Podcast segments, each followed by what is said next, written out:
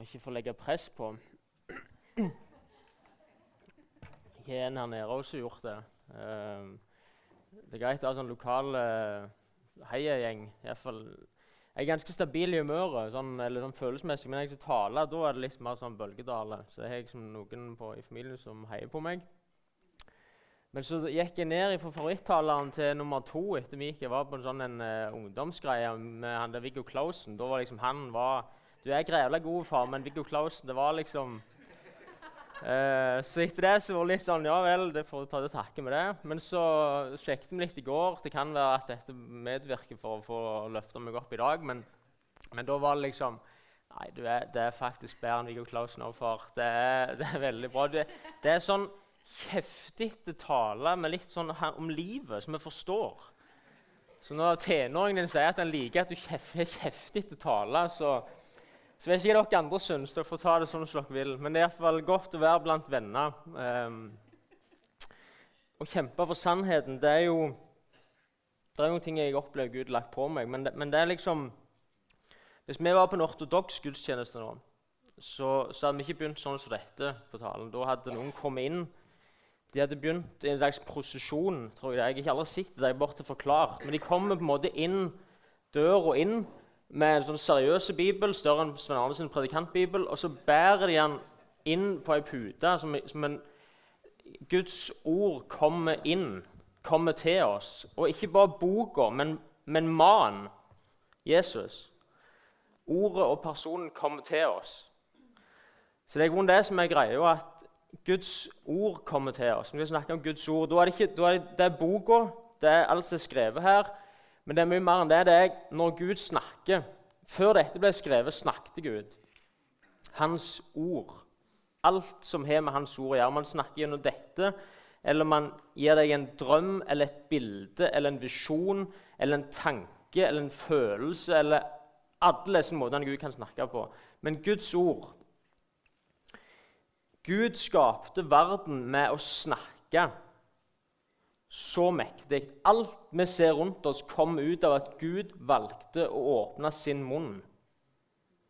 Han talte, og det skjedde. Han bød, og det sto der. Så mektig er det. Hvis Gud vil, så kan han, kan han si ting nå inn i livet vårt som kan Hvis du er syk, så kan han si 'bli frisk', så blir du frisk. Hvis du er lei, deprimerte, og han snakker, så kan du bli glad og oppløfta. Han kan forandre ting i livet ditt. Han kan helbrede, han kan gjenopprette relasjoner. Han kan snu hva som helst. Og for så vidt andre veien òg. Hvis, eh, hvis du er død, så kan du bli levende. Hvis du er levende, så kan du bli død òg. Det er han som holder livet i sin hånd. Så Det er derfor å, å bære dette inn en sånn en ærbødighet overfor Hans ord. Vi, vi stoler på Han. Vi, vårt liv er overgitt til Han. Så Vi skal begynne i eh, Matteus 13. Vi er jo i, i talene til, til, Jesus dette semesteret. Og Systemet så ut til å være at det er Jesus taler i Matteus. Og så er det et par kapittel der han handler. Han lever det han, han snakker om, så han demonstrerer det. Så kommer det nye tale, og så demonstrerer han noe. Og så er det fem sånne taler. første hadde vi som er bergpreika, som er 'Hvordan skal vi leve i Guds rike'? Lakki hadde nummer to sist gang, som er 'Hva er oppdraget vi har fått?' Hva er det vi skal gjøre, og hva skjer når vi går ut og gjør det? Og så er denne 'Hvordan vokser det?' Eller hva, hva er sprengstoffet vi bærer på? Hvordan funker det? Hva skjer når vi går ut på dette oppdraget og deler Guds ord? Hva skjer da? Hvordan virker det?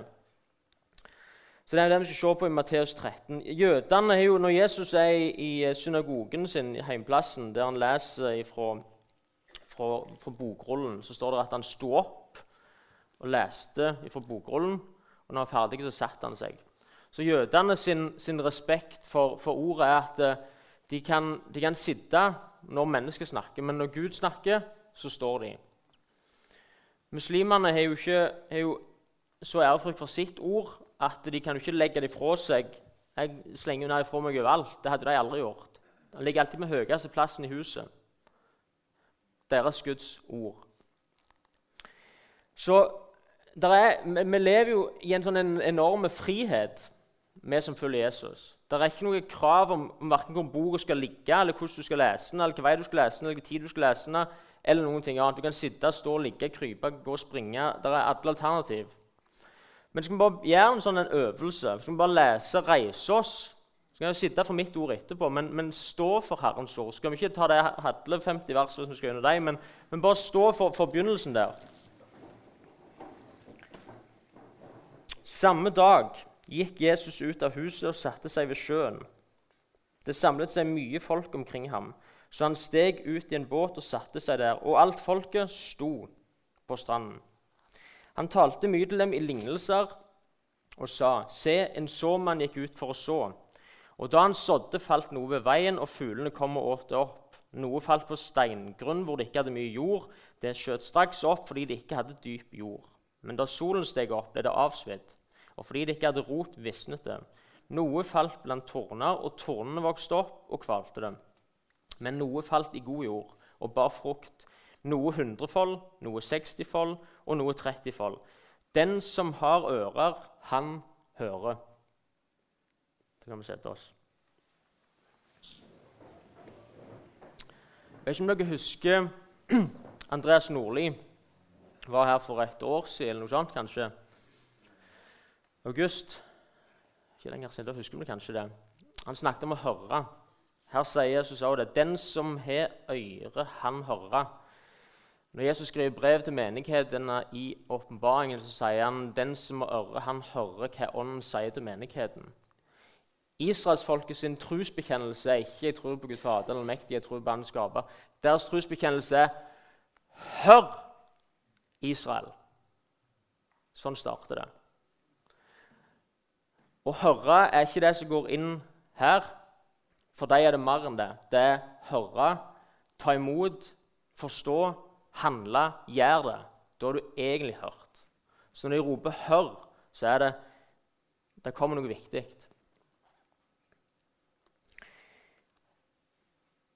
Guds ord er ikke sånn som vårt ord. Vårt ord er til å stole på kanskje. Vårt ord er virkningsfullt men det har sin begrensning. Men vi kan med våre gode ord bygge opp folk, med våre stygge ord bryte ned folk. Så vi har fått noe av det Gud har i forhold til å bruke ordet. Men det er bare en liten del av det. Men det er fortsatt menneskeord. Det begrenser hva vi kan gjøre. Men når vi er i tråd med, med, det han gjør, når han ber oss om å si noe, vi sier det ut, så er vi enda mer kobla på den krafta. Han snakker gjennom sitt folk. Er det han har gjort hele her. Snakker gjennom profeter. Nå snakker han gjennom sin sønn. Så det er her vi kommer til Matteus, at han snakker gjennom sin sønn. Og Guds ord er Til Tessaloniker-menigheten skriver Paulus vi takker for at når dere fikk dette ordet, så ble det forkynt. Så tok dere imot det ikke som et menneskeord, men som de sanne, det er et Guds ord som virker med kraft i de som tror. Må vi ta oss i det, kanskje de fleste av oss, at vi sitter av og til og hører Guds ord, så tenker vi interessant. Det er veldig vanskelig å forstå. Av og til så drister vi Jeg vet ikke om jeg er helt enig. Som om det hadde noen betydning om du var enig. Altså, du mener ikke sånn som de som er liksom litt sånn Jeg vet ikke hva jeg tror om, om denne trua, og, og forholder seg til det, men, men vi som har sagt vi følger Jesus, vi har på en måte ikke en Det er ikke veldig vist å si 'jeg vet ikke om jeg er enig'. Du vet, 'jeg vil ikke'. Det, det er motstand i meg. Men, men, det er han som har vedet. Så å ta imot det ikke som, en, som et menneskeord som vi vurderer, men som de sanne det er som Guds ord, som virker med kraft i de som tror. Så Derfor sier Jesus den som har øre, han hører. Og Så spør eh, disiplene Jesus rett etterpå eh, Disiplene kom til ham og sa, 'Hvorfor taler du til dem i lignelser?' Jeg vet ikke du vil svare på det spørsmålet. Jeg har alltid tenkt og har blitt fortalt at han talte til dem i lignelser for at de skulle forstå. For det er mye så vanskelig å forstå. Han talte i lignelser sånn at de skulle forstå. Det finner jeg ikke at det er det som er svaret hans. Han sier både her og i Lukas og i Matteus og i Jesaja, der dette ordet kom ifra, der, der denne, det som ble sagt i Jesaja, går i oppfyllelse her, så er svaret et annet. Han svarte dem og sa, 'Fordi dere er det gitt å få kjenne himmelens rikes hemmeligheter.' Men dem er det ikke gitt. For den som har, til ham skal det bli gitt, og han skal ha overflod. Men den som ikke har, skal bli fratatt endog det han har. Derfor taler jeg til dem i lignelser, for de ser, og likevel ser de ikke. De hører, og likevel hører de ikke, og forstår ikke. På dem blir Jesajas profeti oppfylt, som sier:" Dere skal høre høre, men ikke forstå, se og se, men ikke skjelne. For dette folks hjerte er blitt sløvt, og med ørene hører de tungt, og sine øyne har de lukket til, så de ikke skal se med øynene eller høre med ørene og forstå med hjertet og omvende seg, så jeg kunne få lege dem. Det er deprimerende, egentlig. Vi, hvis dere husker disse versene fra Isaiah, så står det hvem, hvem skal vi sende, og hvem vil gå for oss? Dere har hørt det sitert? Da er vi jo litt sånn Med et godt budskap, hvem vil gå for oss? Og så er det sånn, er det noen som er klar med et godt budskap å gå med? Når Jesaja fikk dette, så sa han ja, ja, herre, jeg er klar. Så sier, sier Herren til han som sitter på ei trone, eh, gå klin øynene igjen på dette folket. Tett igjen ørene. Snakk, og de skal ikke forstå. Del, og de skal ikke få tak i hva det går i. Det var budskapet han fikk. Veldig spesielt. Og det er jo det som skjedde her, som er nå. For det at de fleste tok imot. De fleste var sånn Konklusjonen etter at Jesus ser som bærer, blir et par kapitler tilbake bare, etter at Jesus har forkynt noe, delt undervist, levd det, og da mener jeg vekt opp døde, helbreda syke, drevet onde ånder, virkelig gjort noe godt Han har gitt mat til 5000 fattige folk. Eller 15 000, 5000 menn, 4000. Han har gjort så mye godt. Så er konklusjonen til mange dette som skjer nå, er ved de onde ånders kraft. Dette er djevelens verk, er konklusjonen. Ganske utrolig. De ville ikke høre budskapet fra Gud. De, de hadde stengt av. De hadde forherda hjertet, som er et tema som går igjen i hele Bibelen. Og Gud er sånn at uh, han, han, han, er, han, gir oss utrolig mye. Denne frie viljen han har gitt, lar han oss få ha. Sånn at hvis vi oppriktig søker han av et helt hjerte, så lar han seg finne. Hvis du prøver å nærme deg Gud, så vil han prøve å nærme seg deg. Han vil ha tak i deg. Hvis du vil stenge Gud vekke, hvis du vil stenge igjen hjertet, hvis du vil tette igjen ørene og øynene og hjertet, forherde deg, som Bibelen kaller det for, så får du lov til det òg. Og da lar han deg få mer forherdelse. Så det står om israelsfolket at forherdelse har kommet over Israel. Så etter de avviste Jesus, så ble de forherda seg, og Gud forherda dem. Så han stengte igjen.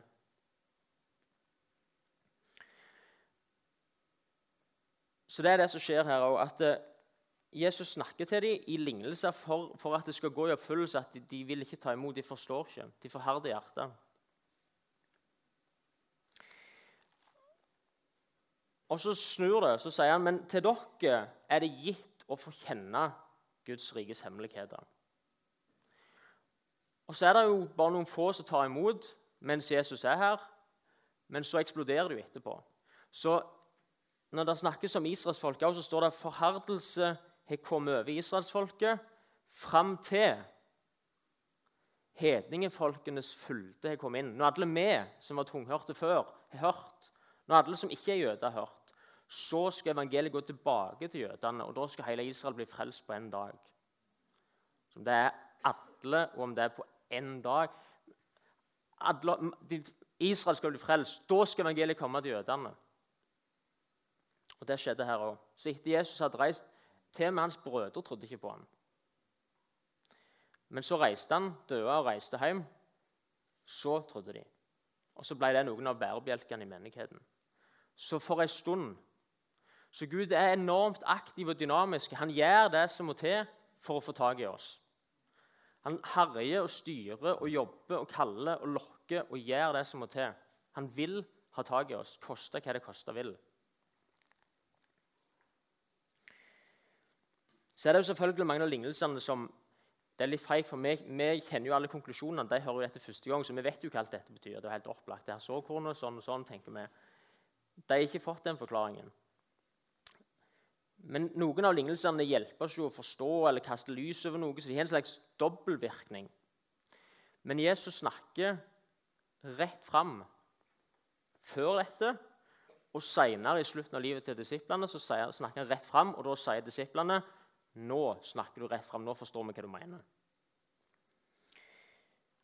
Iallfall så forsto de ikke hva lignelsen betydde.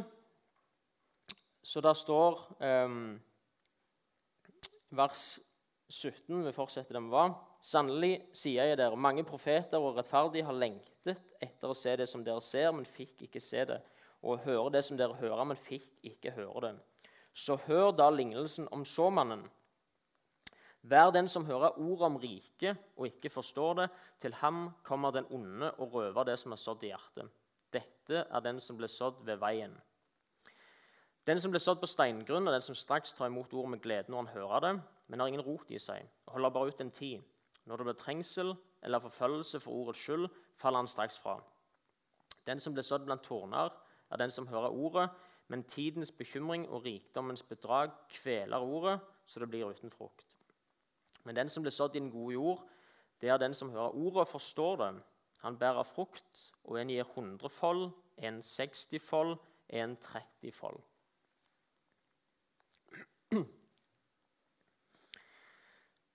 Så Guds ord blir sådd ut. Ordet om riket. Jeg tror de fleste sin default er at når vi hører dette, så er det de som for første gang får høre evangeliet om at Jesus er død for syndene, så opp igjen og de kan få et liv med han, det er det vi snakker om her. Og det er det jo. Men det er mye mer enn det. Det er ordet om riket. Alt. Det vi snakker om nå. Nå skjer det. Så det er den første gangen du hører, og det er hver gang du hører etterpå ifra Herren. Enten gjennom Hans ord skrevet eller på en eller annen måte. Og noe av det faller på steingrunn, der vi forstår det ikke, står der. Den som hører om riket og ikke forstår det. I Matteus står det 'ta imot', og, nei, Markus står 'ta imot', og i Lukas står det 'holde fast ved', eller motsatt. Ta imot, hold fast, forstå. Vi sier jo ofte det er ikke alt vi skal forstå. Eller det er mye som er vanskelig å forstå. Eller vi kan ikke forstå, eller det er mulig å forstå. Eller et eller annet sånt. Her står det at den som ikke forstår, til ham kommer den onde og røver det som er sådd i hjertet. Og Etter Jesus er ferdig med alle lignelsene, i slutt av kapittelet, sier han til disiplene Forstår dere alt dette nå? Ja, svarer de. Nå forstår vi. Nå er det forklart. Nå forstår vi. Det er meninga at vi skal forstå. Alt dette er gitt oss for at vi skal forstå. Det er ekstremt mye detaljer om begynnelsen, om slutten, og om alt imellom, som det er meint at vi skal forstå. Guds rikes hemmelighet, eller Guds rikes mysterium, som, som brukes her, er ikke ting som er skjult for at vi ikke skal forstå. Det er ting som har vært skjult, som vi ikke forsto, som nå er blitt fortalt for at vi skal forstå. Det er hemmeligheter avslørt. Det mener jeg at vi skal forstå. Nå snakker vi ikke om å forstå som i hvor mye skole må du ha gått på, eller hvor mange studiepoeng, eller hvor mye gresk og hebraisk og teologi og alt det der. Hvor mye sånn har du og klarer intellektuelt forstå? Det spiller inn. Vi skal elske Herren vår Gud av hele vår hjerte, av hele vår sjel, av hele vår forstand. Så ja, det spiller selvfølgelig inn. Men det begynner aldri der. Du kan kunne Bibelen på rams utenat, ordrett. Det gjør deg ikke vise i seg sjøl. Hvor starter visdommen? Begynnelsen til visdom er gudsfrykt. Det er det som går igjen tråden under hele Bibelen. Gudsfrykt er begynnelsen til visdom. De som lever, de som hører.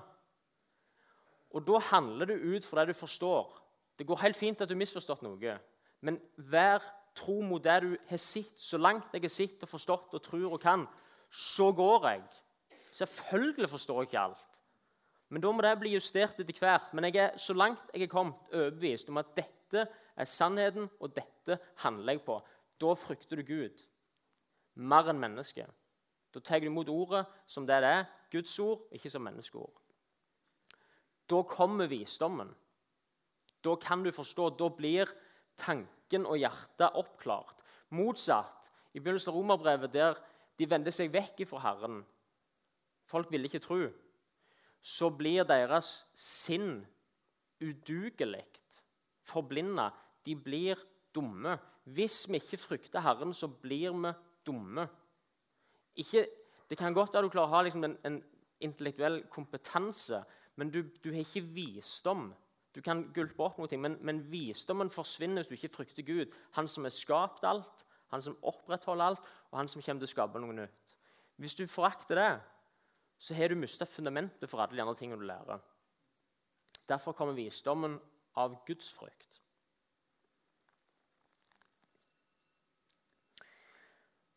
Så vi trenger å forstå. Derfor er dette gitt oss.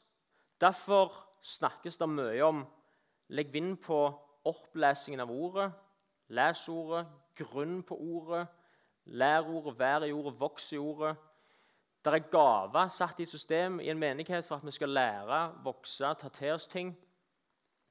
Og så er det noen sånne karikaturer av og til. Vi tenker at ja, men men første gang så kom jo ordet til disiplene. De var jo stokk dumme. De var jo bønder og alt som skrev. De kunne jo ingenting. Det stemmer nok ikke i det hele tatt. De levde i Israel på en spesiell tid, på en spesiell plass. I Galilea.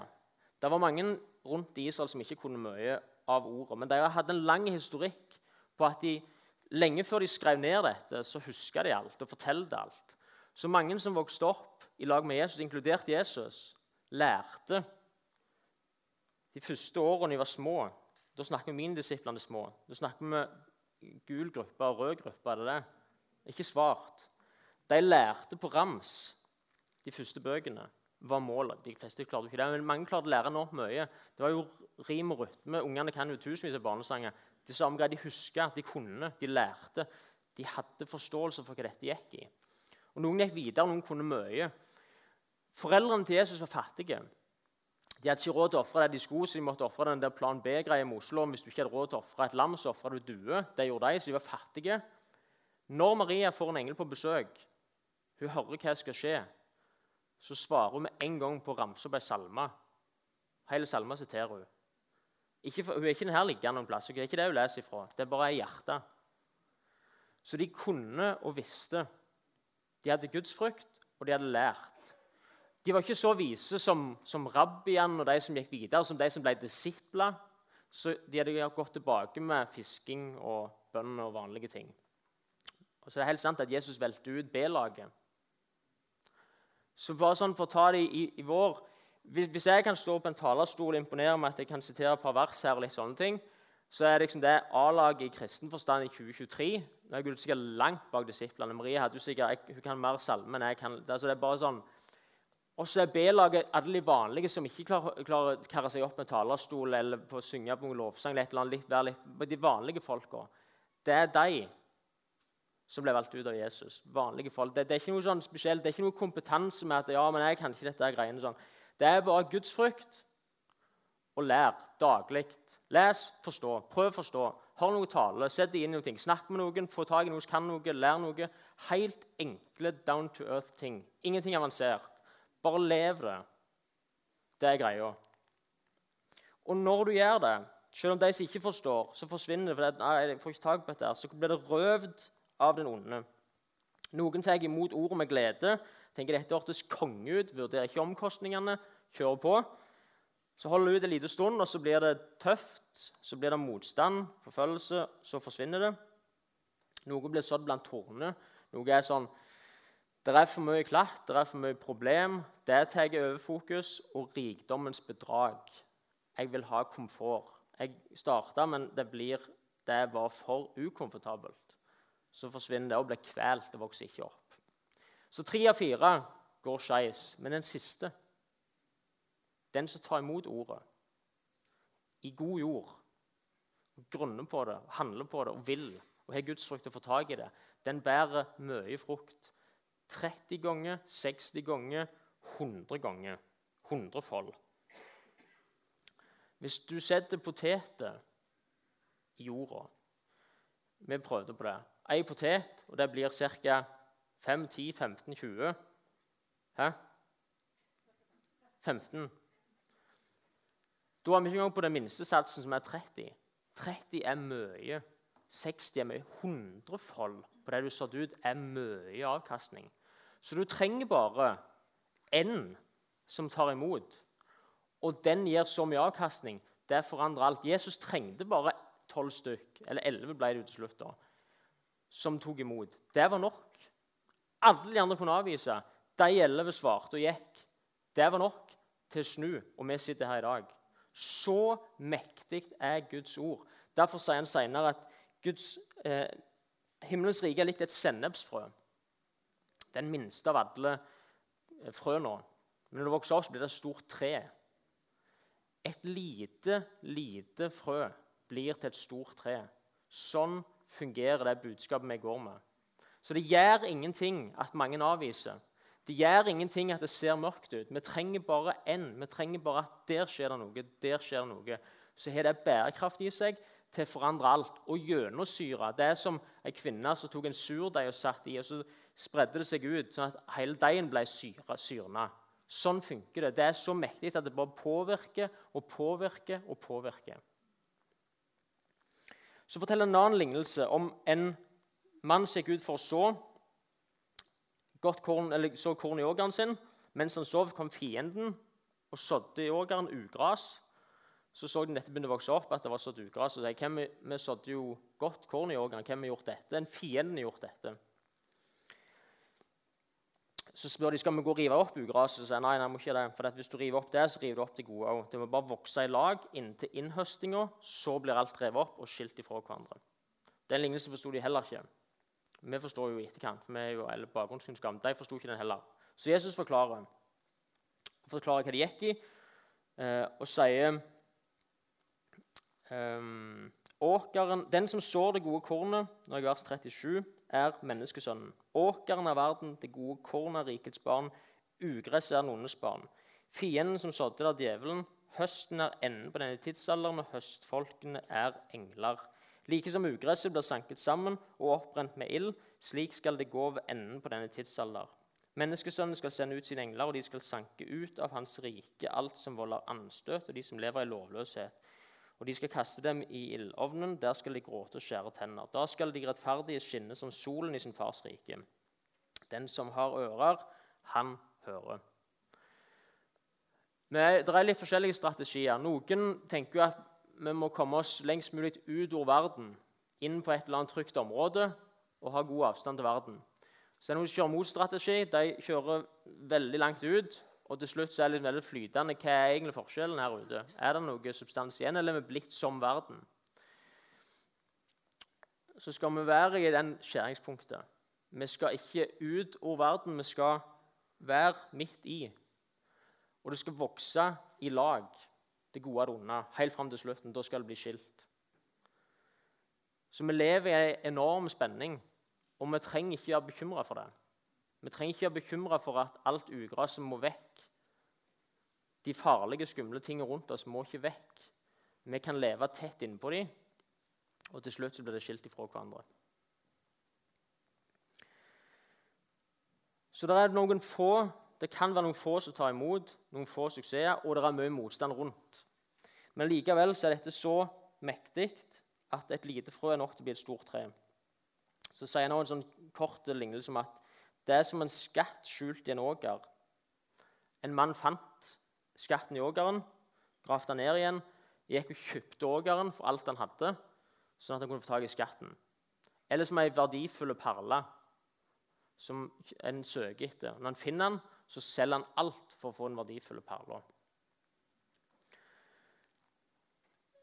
For å ta det ned til i dag, eller der vi er nå, på å høre Guds ord, hvis det ikke er på et møte eller en tale Når Gud minner deg om noe, og det er ikke sikkert du er helt sikker på at det er det. Men du har en sånn en Når dette har skjedd flere ganger, det aner meg at Gud prøver å si noe. Å respondere på det er så verdifullt at det er verdt å selge alt for. Det er verdt å gi vekk alt annet for å få tak i hva er det Gud har for meg. Hva er det han vil? Hvis vi ikke gjør det, skuer det vekk, så forherder vi oss, skuer oss lenger vekk, og det, vi blir tunghørte. Og til slutt så sier vi vanskelig å høre hva Gud sier. Hører lite for Gud. Av og til så er det jo det, men ofte er det sånn Men han har sagt. Han har sagt. Det, er det han sa sist han mente. Han var ikke sånn Du vil ikke det? Da prøver jeg å komme på noe annet. Det, han hadde en plan, og det har han fortsatt. Så er det noe du sitter og tenker på nå, som Gud har vist deg, store eller små ting, i dag eller i går eller det siste året, som kommer opp, som er Gud vil at du skal. Hva er der som svever rundt? Det er så verdifullt, så mektig å respondere på det. Det kan forandre din familie, nabolaget, skolen, dette landet, din evighet, andres evighet. Det er så mektig, de tinga. Hva kjenner du på? Hva tenker du på? Det er så verdifullt at det er verdt alt annet. Og Livet med Jesus er å vandre i den hele tida og respondere på hans ord.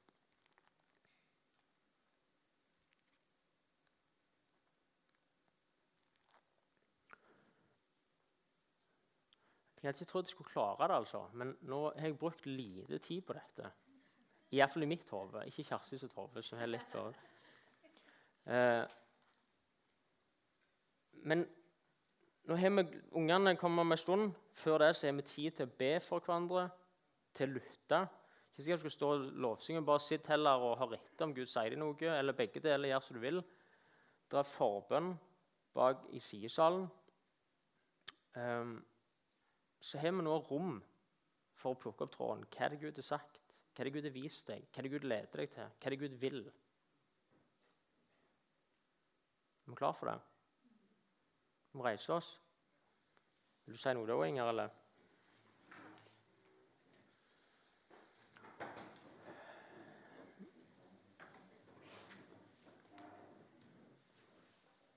Jesus, vi, vi takker deg for at ditt ord har kommet til oss. Takk for at de fleste av oss har, har hørt ordet om at du er vår frelser. Ber for de som ikke har gjort det, de som ikke har et levende fellesskap med deg, eller fått tilgivelse eller fått kommet inn og blitt dine barn, Jesus. Jeg ber om at du må tale til dem og overbevise dem, Jesus. Jeg ber for oss som har hørt flere ganger. Jeg ber om vi må høre igjen, høre i dag. I dag, om dere hører Herrens røst, forherd ikke deres hjerte. Jeg ber om at vi må høre, ikke være tunge til å høre Jesus. Jeg ber om at vi må frykte deg mer enn mennesker. Jeg ber om at du må legge Guds frykt på oss. Jeg ber om at vi må handle. Jeg ber om at du må dra i oss, Jesus. Bruk denne, disse minutter og tida som er nå, til å virke med, med de ånd i dette rommet. På, på hjertene, på tankene, på hele oss, Jesus. Sånn at vi får tak på, hver enkelt av oss, hva er det du har.